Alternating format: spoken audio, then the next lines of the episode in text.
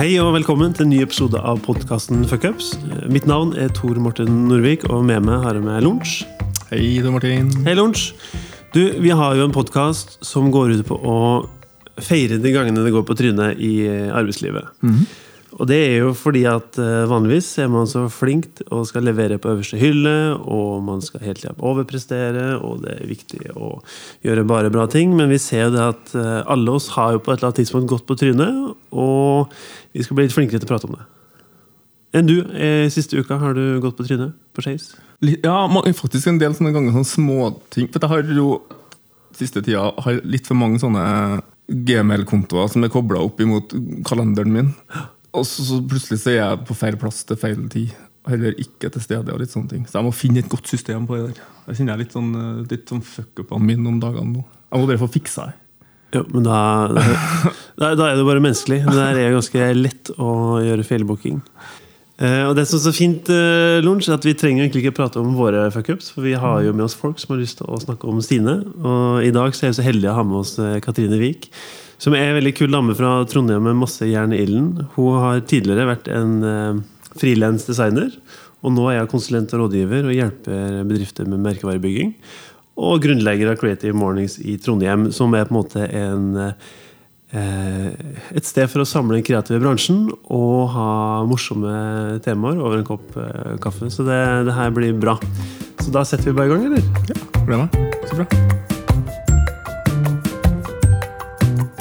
Velkommen til oss, eh, Katrine. Går det bra? Tusen takk. Det går veldig fint.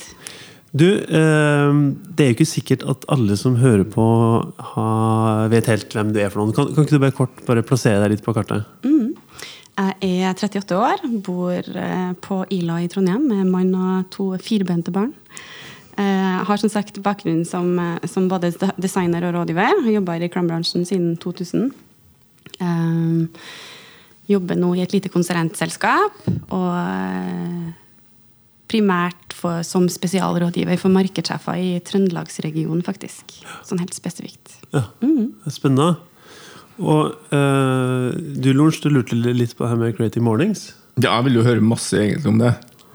Men eh, det er jo ikke noe fuck-up ennå. Kanskje ikke det heller. Det er, for, det, er for ungt, det er for ungt til å være en, en fuck-up. Det er en, en, en, i all beskjedenhet en, en suksess foreløpig, i hvert fall. Så gøy. Og du hadde en egen podkast òg, hadde du ikke det på det? Ja, vi, eh, Creative Mornings Trondheim feira ettårsdag i november eh, i 2000, altså i fjor, i 2018. Og da lanserte vi vår egen podkast også. Så da på ettårsdagen så, eh, I forberedelsene til ettårsdagen så tenkte vi liksom hva kan vi gjøre for å, for å utvikle oss videre. Og da så vi det at fordi Creative Morning sitt konsept er jo video som ble lagt ut på nettet. Og da så vi det at eh, færre og færre som ser videoene, men desto flere som hører på podkast. Jeg er jo blodfan av podkast sjøl. Har vært det i mange år. Jeg hører på sikkert fire-fem hver eneste dag. Det er konstant på øret. Ja. Eh, Og da hadde jeg kjempelyst lenge egentlig til å lage min egen podkast. Så vi har sluppet tre episoder. Så gøy. Du har jo holdt på 18 år i reklamebransjen. 18 år er lang tid. Og det betyr jo eh, Her er det rom Det er så flaut at det for mye, mye rart. Du må jo ha på et eller annet tidspunkt gått på noe smella. Ja. Eh, er det noen du kunne ha lyst til å fortelle om? Ja. ehm, den første store smellen den kom eh, egentlig når jeg valgte å ta steget fra å være bare ansatt til å bli, eh, til å bli medeier. Det var i eh, 2004. Og da var jeg leder for designavdelinga i et lite produksjonsbyrå. Og eh, Er vi i Oslo eller Trondheim? nå er vi i Oslo. I Oslo. Ja, jeg flytta til Oslo rett etter videregående. Var veldig utålmodig. Det var et uh, lite reklamebyrå som lå i Kjøpmannsgata. Vi var på sånn eh, ikke utplassering, vi var på sånn runde for å bli kjent med liksom, arbeidslivet i Trondheim. Og da var det noen som sa til meg at eh, aldri i livet om du får deg jobb i reklamebransjen etter videregående. Og det var jo som å Det var jo en helt klar utfordring til meg. Ja. Og tenkte jeg fuck Trondheim, jeg drar til Oslo. Tente de en flamme og bare Nå skal jeg vise. Ja, det gjorde det.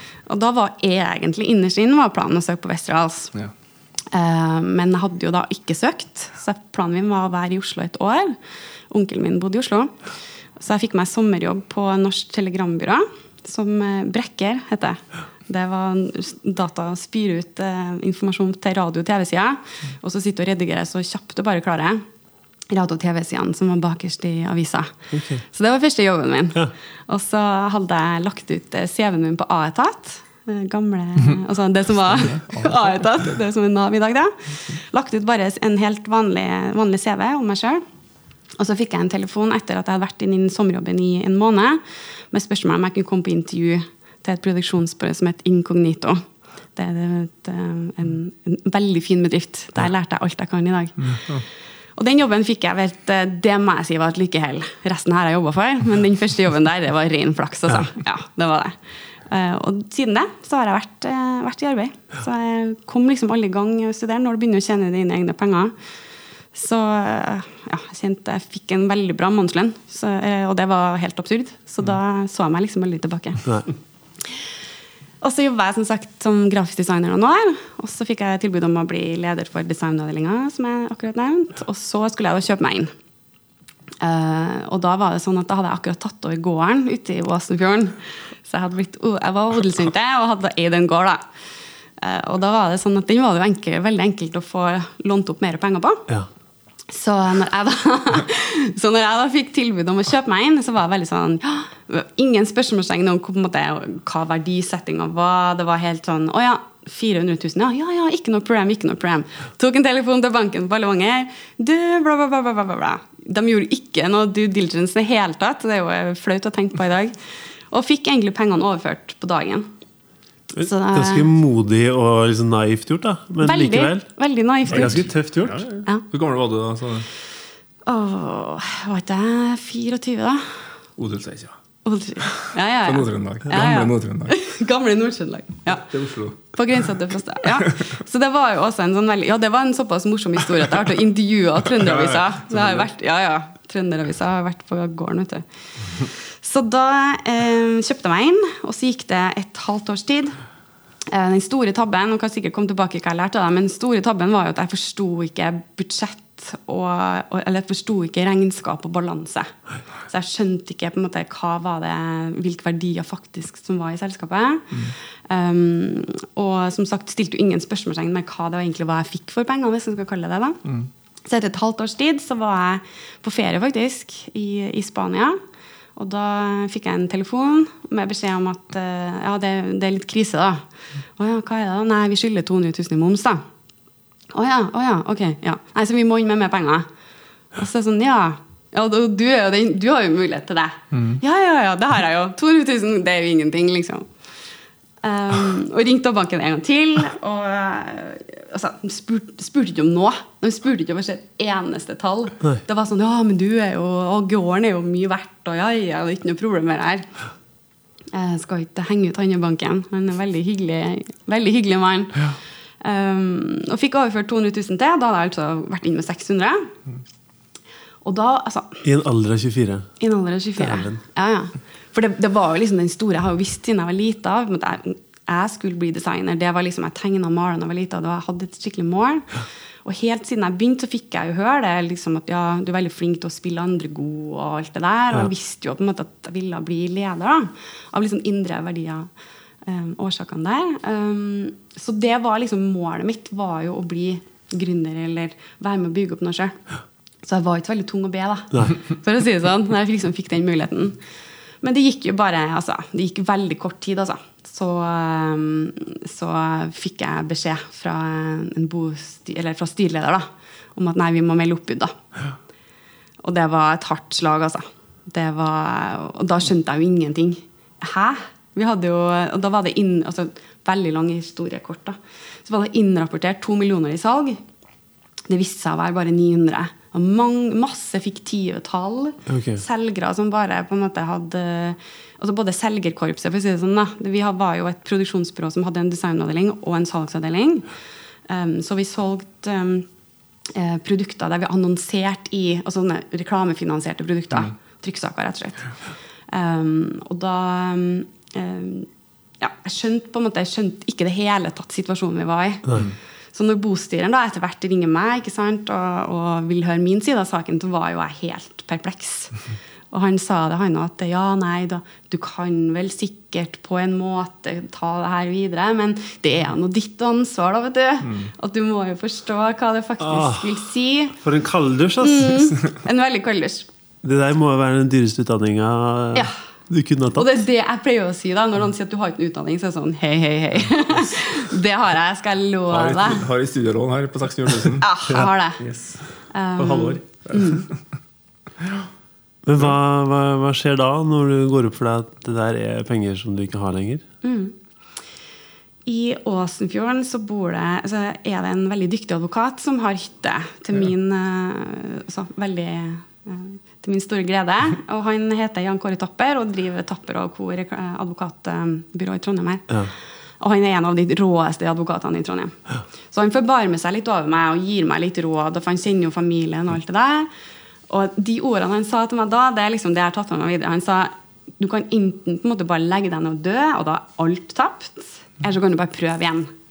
Det er på en måte det viktigste rådet jeg kan gi deg. Hvis vi skal begynne å forfølge det her nå, så kan du være sittende i apparatet i én, to til tre år. Og da får du i hvert fall ikke gjort noen ting. Det skal jeg love deg. Du får se på det som, eh, som en læring. Ja. Det er mange som har større studielån inni deg. Så bare kom deg videre. Ja. Så da tok jeg med meg hun som var AD i det, i det byrået, og så starta vi på nytt. Det var jo dessverre ikke enden på visa. da. Vi gikk jo rett i en ny smell. dessverre. Ja. Men når du gjorde det, hva du tok med deg da fra den runden Forsto du plutselig balanse og økonomi, da? Eller hva Mm. Nei. var det? Nei. Hva, Nei, det gjorde jeg ikke. det? Men da bestemte jeg tok jo kurs, da. Ja. Gründerkurs, som det heter. da. For å Riktig. sette meg inn i, for å forstå litt bedre. Skaffe meg en regnskapsfører. Ja, stemmer, dem har jeg hørt om, ja. Ja, Skaffe meg en regnskapsfører. En veldig dyktig en. Og, eh, overla og advokat. Jeg brukte en tapper i mange mange år etter det. Um, så det jeg lærte, var jo da spørre eh, andre om det du ikke kan. Ikke begynne å på en måte tolke, og i hvert fall ikke stol blindt på folk. De kan være hyggelige og greie, og du tror du kan kjenne dem. Hadde jo jobba sammen i, i en stund. Um, så det var det første. Ikke stol på noen uansett. Du har, du har bare deg sjøl. Og bruk profesjonelle, da. Mm. På det du ikke skjønner. Så gøy. Ja. Så, det, så når, du gikk, når du gikk på på nytt igjen, på måte, Mm. følte du da at det strukturelle og organisatoriske var på plass? da, på en måte? Det, det var, ikke- for dette her er jo Norges Mm. ja, Smellen her handler jo kanskje om ja, kunnskap sjøl, egen kunnskap òg. Mm. andres kunnskap òg. Men dere gikk inn og på en måte, i noe nytt da, med å føle deg trygg, da. ja. Ja. Da følte vi at da hadde vi på en måte regnskapsfører og, som var tilknyttet revisor. Vi hadde jo den biten der. Reglene var jo litt annerledes da for revisor. Um, og altså, hadde advokat på plass. Vi gikk gjennom kontrakter. Vi hadde på en måte kontrakter mellom oss sjøl. Og det her var jo da høst, eller sommeren 2007. Uh, og da var det sånn at uh, jeg er jo fra altså Jeg pleier å si at jeg er fra Stjørdal, for der er jeg oppvokst. da, på Stjørdal. Um, og gikk på, på videregående i Brunndalen. Så jeg hadde måtte, veldig sånn tilknytning til Trondheim. Mange venner i Trondheim. Og da var det jeg trenger heller ikke å si noen navn, det var noen som fikk nissen i at vi skulle starte. Ja. Um, og så var det et reklamebyrå her i Trondheim da, som hadde lyst til å etablere et Oslo-kontor. da. Ja. De hadde drømt om det lenge. Og eh, de visste om meg, og visste at jeg på en måte var en som aldri ga meg. og på en måte virkelig, ja, Hvis det er noen dere skal på en måte, Katrine kan gå i front, da. eh, hvis dere skal ha en, en person som, som elsker å jobbe med det med salg, og som elsker å jobbe med det med kundene. For det er jo kanskje noe av det vanskeligste. Mm. Eh, og da ringte jeg meg og spurte hei, har du lyst til å ta en prat. Da gikk egentlig ballen litt for fort. Det ser jeg jo i etterpåklokskapens lys. Men ballen gikk veldig fort, og vi starta da sammen. Lang diskusjon om aksjefordeling, og vi gikk inn med um, vi gikk inn med 250 000, de gikk inn med 250 000, men altså fordelinga skulle selvfølgelig være kjempeskjev, for vi, så, vi fikk jo så mye go- goodwill, og nei og nei og nei. Men vi ga oss etter hvert. da. Uh, tenkte nå at ja, ja, vi får nå sikkert litt, litt hjelp når det er fra et etablert reklamebyrå som, som har kontakter, i hvert fall i Oslo. da. Men 10. august um, jeg sjekket bare, Vi starta 10. august 2017, 2007. Det var dagen da det smalt finanskrisa i USA. Det var samme fuckings dagen. Men vi visste jo ingenting om det i Norge ennå. Altså, vi visste jo, hørte jo liksom Lehman Brothers gikk over ende. Og, um, men um, høsten gikk jo, og så tippa vi 2008, og da begynte jo virkelig hele verden å føle det. Og da var det sånn at det jeg kalte det morselskapet mitt, så kaller jeg det da, de hadde satsa på islandske banker. Oi. Av alle. Uh, og Glitner var jo hovedkunden til da morselskapet mitt. da. Ja. Uh, og Glitner gikk over ende, og de mista jo fem millioner over natta. De hadde jo veldig mange, som dere kanskje vet, kriter jo i reklamebransjen. Du har en reklamekonto da, som du avregner. Mista fem millioner over natta, og de fikk jo mer enn nok uh, med å holde hodet over vannet sjøl. Og jeg satt virkelig og liksom sparka meg på lengden. Er det mulig? For da hadde vi gjennom hele høsten hatt vareproblemer da, med at de kom og bodde fint hos oss. og var litt sånn, For dem var det litt prestisje, for oss var det veldig hardt arbeid. ja. Så vi spiste jo opp egenkapitalen vår ganske kjapt den høsten. Men eh, som sagt, i, når Glitner gikk over enda, da, så, så måtte jo de også bare innse at um, ja, eh, Jeg er ikke helt sikker på hva gangen til dem var, men de prøvde å selge selskapet. og alt det der, Men summa summarum så ringte de og sa jeg, vet du hva, vi er bare nødt til å gå videre. Så hvis vi bare sier at dere overdrar aksjene til oss, så har vi 100 så må vi bare, må vi bare gi gass sjøl. Lykke til videre. Det var ikke noe sånn godt brudd, men det er det jo kanskje verken i businessen, altså forretningslivet eller kjærlighetslivet.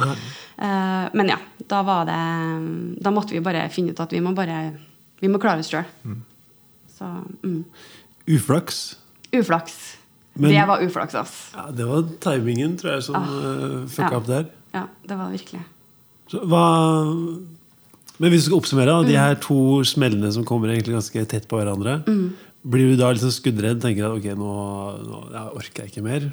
Eller? Tydeligvis ikke. da Har du aldri vurdert fast jobb i et stort svanskap trygt og Altså det som er, Pappa ville jo veldig gjerne det. Pappa bare nå Kom må hjem, du har fortsatt Ja. odelen. Du- Har du det? Har du gården? Hadde jo tidspunktet der. Hadde du fortsatt odelen? Hadde du gården fortsatt? Ja, det hadde jeg. Riktig. Ja, det hadde jeg. For den var jo bare belånt. Den Yes, var jo ikke, Det var- jo ikke så mye at det ikke var uhåndterlig. Men altså, når jeg drev selskap, og det har jeg jo alltid sagt, at når jeg drev starta egentlig mitt første selskap, for det var jo da jeg starta mitt eget, så hadde jo jeg en gård i Åsen. Altså, jeg hadde jo egentlig en dyr hytte da, som jeg drev og betalte på. Så jeg leide jo leilighet i Oslo og betalte ganske dyrt for en, et hus her hjemme. Det var ikke noe dyr på gården, sånn, så det var ikke en sånn type gård, men jeg hadde jo en dyr hytte, da, egentlig.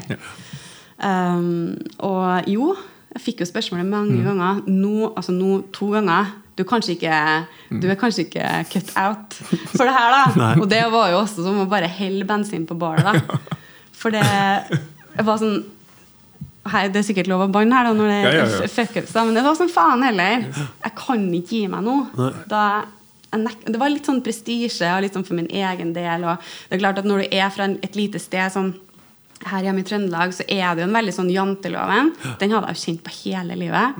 Så det var jo sånn Nei, jeg nekter å gi meg. Og hvis jeg hadde fått meg en fast jobb da, så hadde jeg jo klart å tje- tjent inn de pengene. Så jeg fant ut at jeg må jo bare prøve igjen. Ja.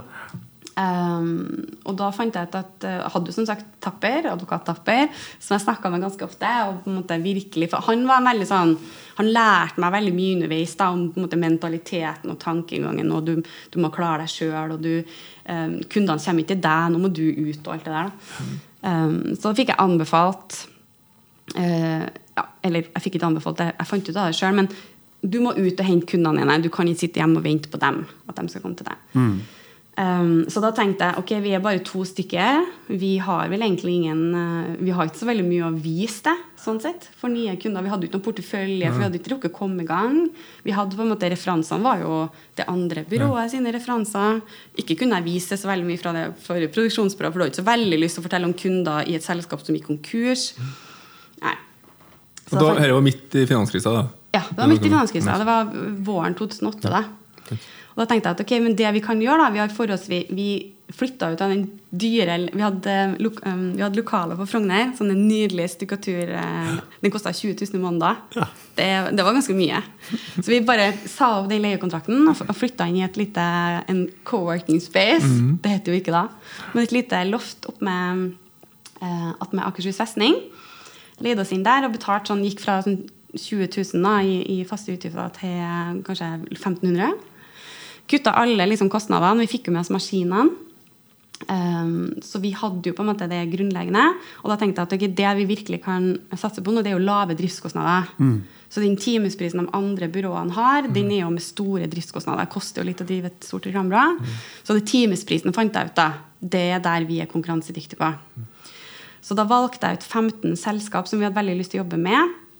Jeg og Karina som jeg drev sammen med, da, hvilke kunder har, hva har vi lyst til å jobbe med. Jeg hadde jobba mye med eiendom. Hun hadde veldig lyst til å jobbe med bøker. Hun hadde veldig lyst til å designe bøker, Så da gikk vi etter eiendomsbransjen og forlagsbransjen.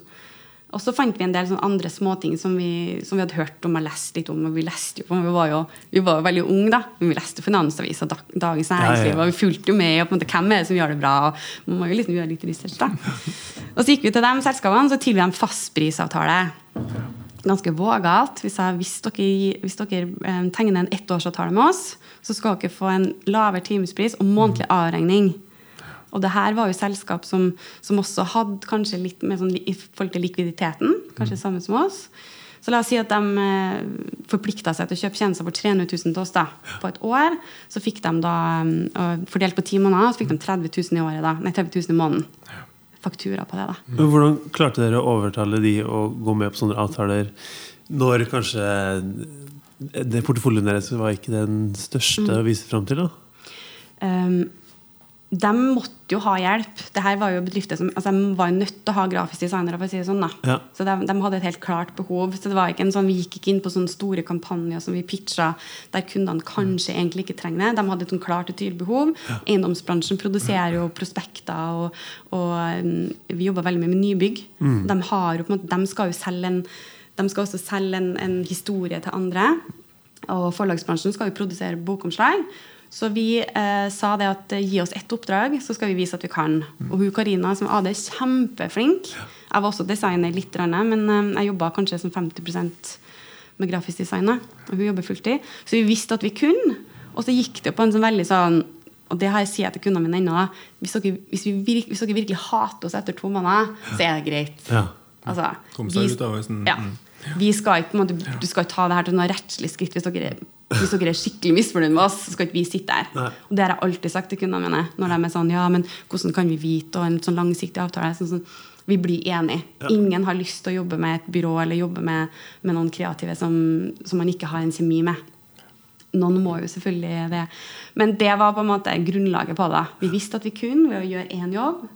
Eh, og så fikk vi fastprisavtalene, eh, avregning, med en klar utgang. Og så var det jo finanskrise. Ergo Ja. Mm. eh, kundene var jo ute etter forutsigbarhet. Så Så snu det til, snu det til, Ja. Mm. den, til deres fordel. Det at det faktisk var finanskrise, var jo ja. Ja. Jeg husker på den tida i bransjen at det var på en måte var en stor endring i forhold til hvor opptatt folk var av ideer som kanskje funka. Ja. Og nå var alle opptatt av at ting skulle funke. Ja. Eh, Så det var en smart, eh, veldig smart eh, snu, snu på den. Altså. Ja. Men fra den første smellen i forhold til å gå inn med 600 000 og så gikk det til helvete, til det, det dere har fått ti kunder her nå, hvor lang tid har det gått da? Da har det bare gått noen, det har bare gått noen måneder, altså uker.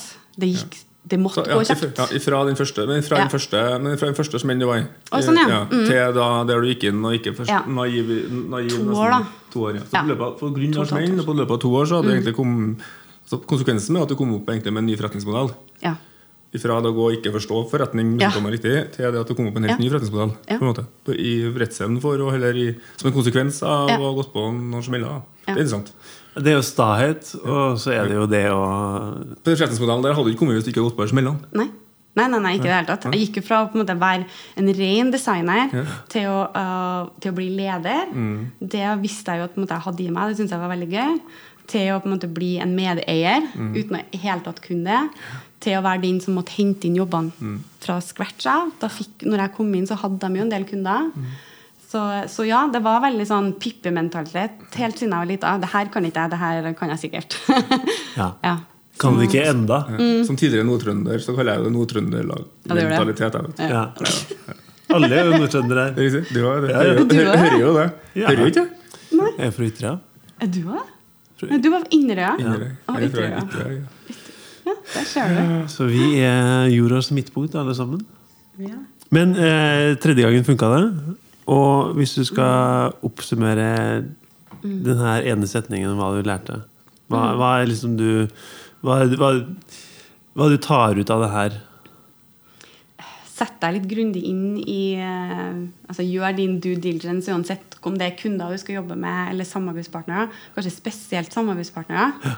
Jeg var jo, hadde jo veldig lyst til å, til å tro på at folk eh, si, er ærlige.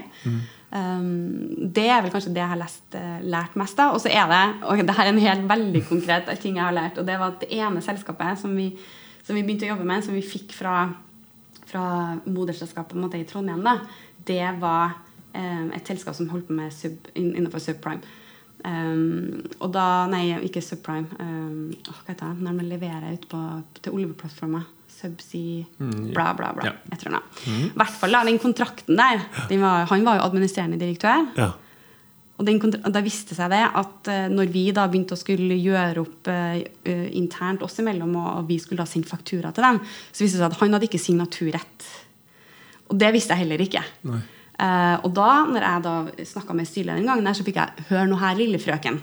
Det her, er, det her er din feil. Det er du som ikke har sjekka opp uh, hvem som hadde signaturrett her. Og det var sånn, ok, En administrerende direktør som ikke har signaturrett. ja. Ja. Så hver gang jeg skal jobbe med noen, så sjekker jeg hvem er det som har signaturrett på selskapet her. Eh, og det er veldig sånn jeg, jeg går ganske grundig inn i ting når jeg skal jobbe med noen og for noen. Fordi folk er ikke alltid de sier de, eh, sier de er. Og det, det rådet gir jeg til altså, Det er nesten månedlig, tror jeg. Til startups og, og samarbeidspartnere, leverandører. Sånn, hvem er det som har signert avtalen her? Ja, det er noen på markedsavdelinga. Så jeg er sånn mm, Er du sikker på at noen på markedsavdelinga har signaturrett? Nei, hva mener du det? For det er som regel daglig leder. Ja, nei, hva mener du med det? Ja, Vi har bare sånn sjekk på nettet. Vi er sånn, ja, det tror jeg, tror jeg vi skal sjekke. Og det er mange sånn Å, Gud, tusen takk! Det visste ikke jeg om, da. Nei, det der er fint, altså. Mm. Jeg tror det er mange vet du hva, jeg, jeg skjønner jo hvor mange smeller eh, det er lett å gå på. Altså. Mm. I hvert fall når det kommer til kontrakter. Du, tusen takk for at du ville prate om det her. Bare hyggelig. Jeg syns det er kult. Jeg synes du har gjort mye tøffe valg, og du har tapt penger, men det virker som du har lært ganske mye òg. Ja. Tapt penger? Det kaller ikke å tape penger, Jo, du som har eller gjør du det? Investert i Investert. Investert i sunne til livet. ja. Ja. Men har du odel ennå? Nei, den har jeg solgt. Riktig. Den har jeg solgt, da. Den solgte jeg eh, omtrent i null. Så, du kan råde, så du råder alle, spesielt jenter med odel, til å starte start byrå. Kjøp de pengene. Kjøp, kjøp deg en. Ta to år i Oslo. Yes, ring bankmann. Oslo. Ja. Altså, det, det var en grunn til at jeg var, jeg var frilans ganske lenge etter det her. da. Etter at vi valgte, For vi valgte jo å skille lag. Jeg og hun som vi drev sammen med, hun fikk faktisk tilbud om jobb i det største kunden vår. Største kunden vår, Fastpriskunden vår så at de brukte så mye penger på oss. At de, eh, først så tilbød de meg jobb, men jeg hadde jo ikke lyst til å bli fast ansatt. Og så sa jeg, da spør du hun som jeg jobber sammen med, for hun har familie og var litt mer trygghetssøkende på det. Så hun fikk seg jobb der. Og da var jeg jo frilans i mange år. Og da hadde jeg fått mer enn noe, altså. Av, ikke av hun, men av tidligere. Av å drive sammen noen. Og ansatte er også veldig krevende generelt. Og da hadde jeg langt opp i halsen. Så jeg var selvstendig næringsdrivende i lang tid etterpå. Mm. Men jeg tror det er forska på blodet til de her gründerne at det er noen raringer. De, Det tror jeg de har liksom en sånn risikovurdering, og de er ikke så trygghetssøkende. Og det er utrolig viktig at man har, har de, for ellers så tror jeg ikke man får gjort så mye. Nei. Da blir alle sammen sittende og egentlig koser seg hjemme med Netflix og skal bare ha det trygt og godt. Ja. Ja, men takk skal du ha.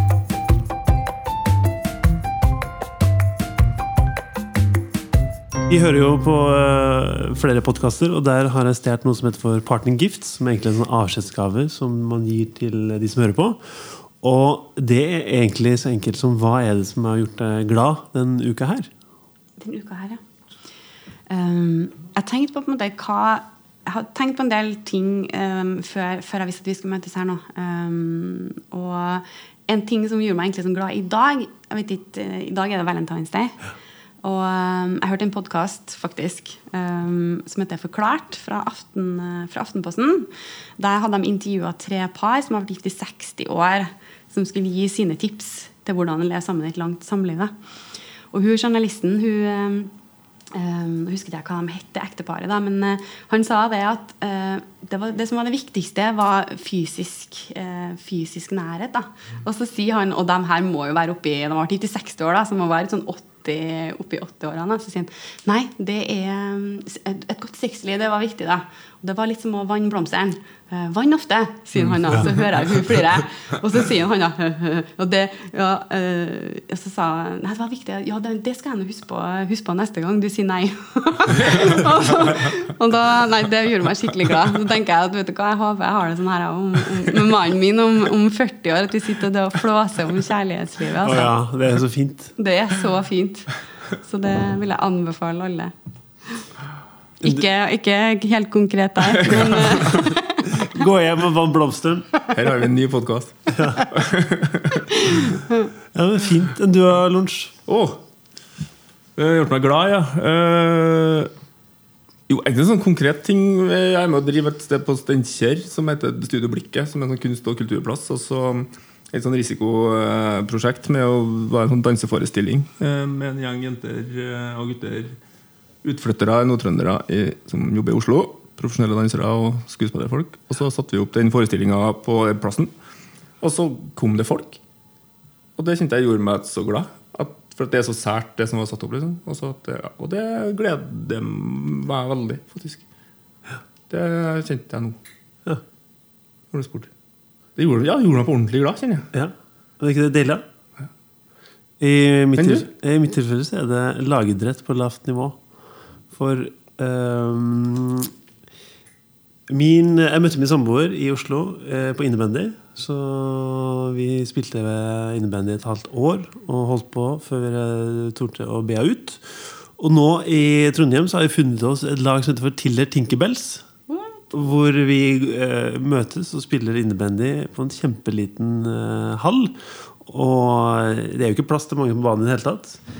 Og, men det er veldig lett å føle mestring. Bare du treffer ballen, så er det jo det er kjempefint. Og det er bare Det er så lavt nivå at uh, det er enkelt, og du får eh, rørt på deg, og det er bare litt sånn deilig, rett og slett. Så, det, så da er det eh, gå hjem vann blomsteren, og dra på sære arrangement, og spille sport på lavt nivå. Ja, men Supert. Tusen takk til dere som uh, hørte på. Det var hyggelig at dere var med oss så langt. Neste gang så skal vi prate med Ståle Gerhardsen, som er en eh, multikunstner som eh, lever av å lage og gjør fryktelig mye rart og spennende. Så han har helt sikkert noen historier som han kan dele med oss. Og hvis du som hører på har en historie som du har lyst til å dele, så er det bare å sende oss en mail på fuckups.uredd.no, så skal vi se om vi kan få det på lufta. Podkasten her er et samarbeidsprosjekt mellom Uredd og Lydsporet Media, og vi kommer ut på mandager. Ha en fin dag. Ha det! ha det.